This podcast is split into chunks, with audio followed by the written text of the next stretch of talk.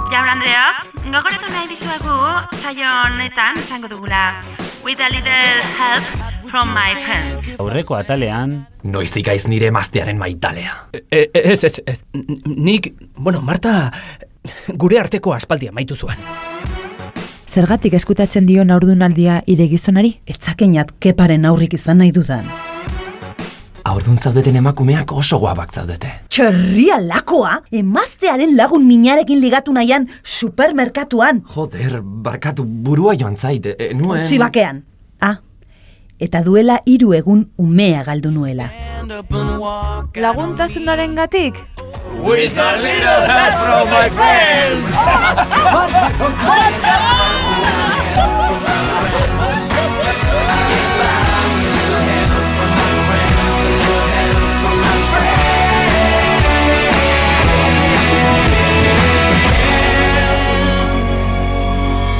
laugarren atala.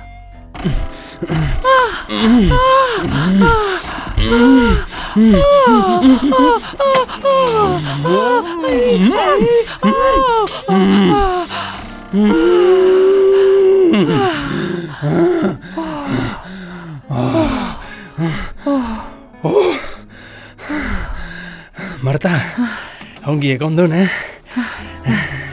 Tabakorik baduk?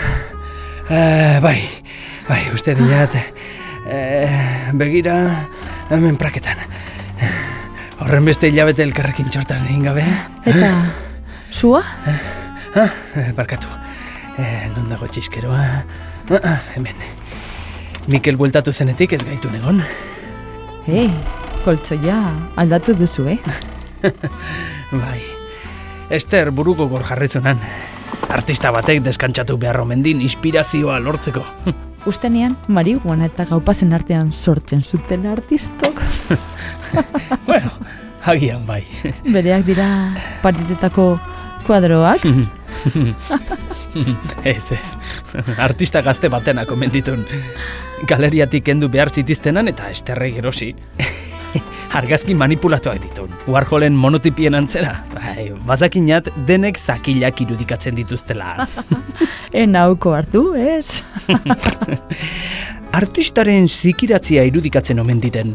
Photoshop eta internet nagusi den garai honetan. Hm. Uste diat, esterrek aurrekoan zeo zerra ipatu zuela kuadro hauei buruz. Eta ze izen jarriko diozue? Kuadroei?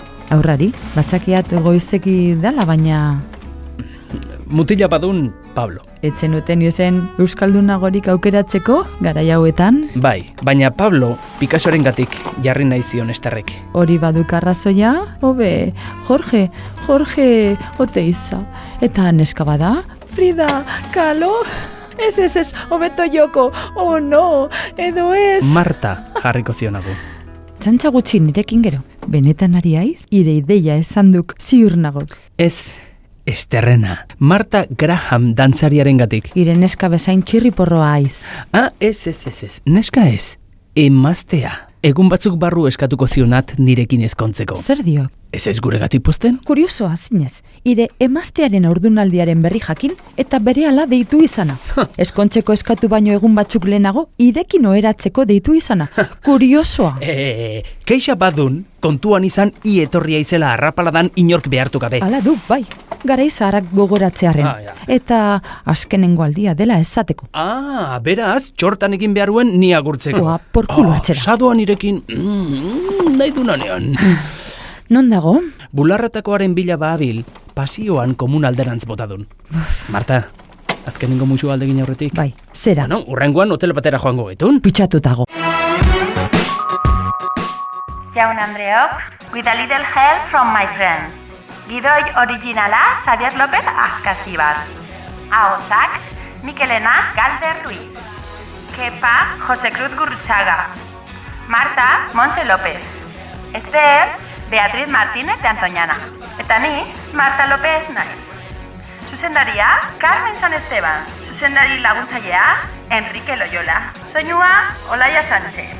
Produkzioa, Vitoria Gasteizko E nazioarteko antzerki jaialdia eta Radio Vitoria EITB.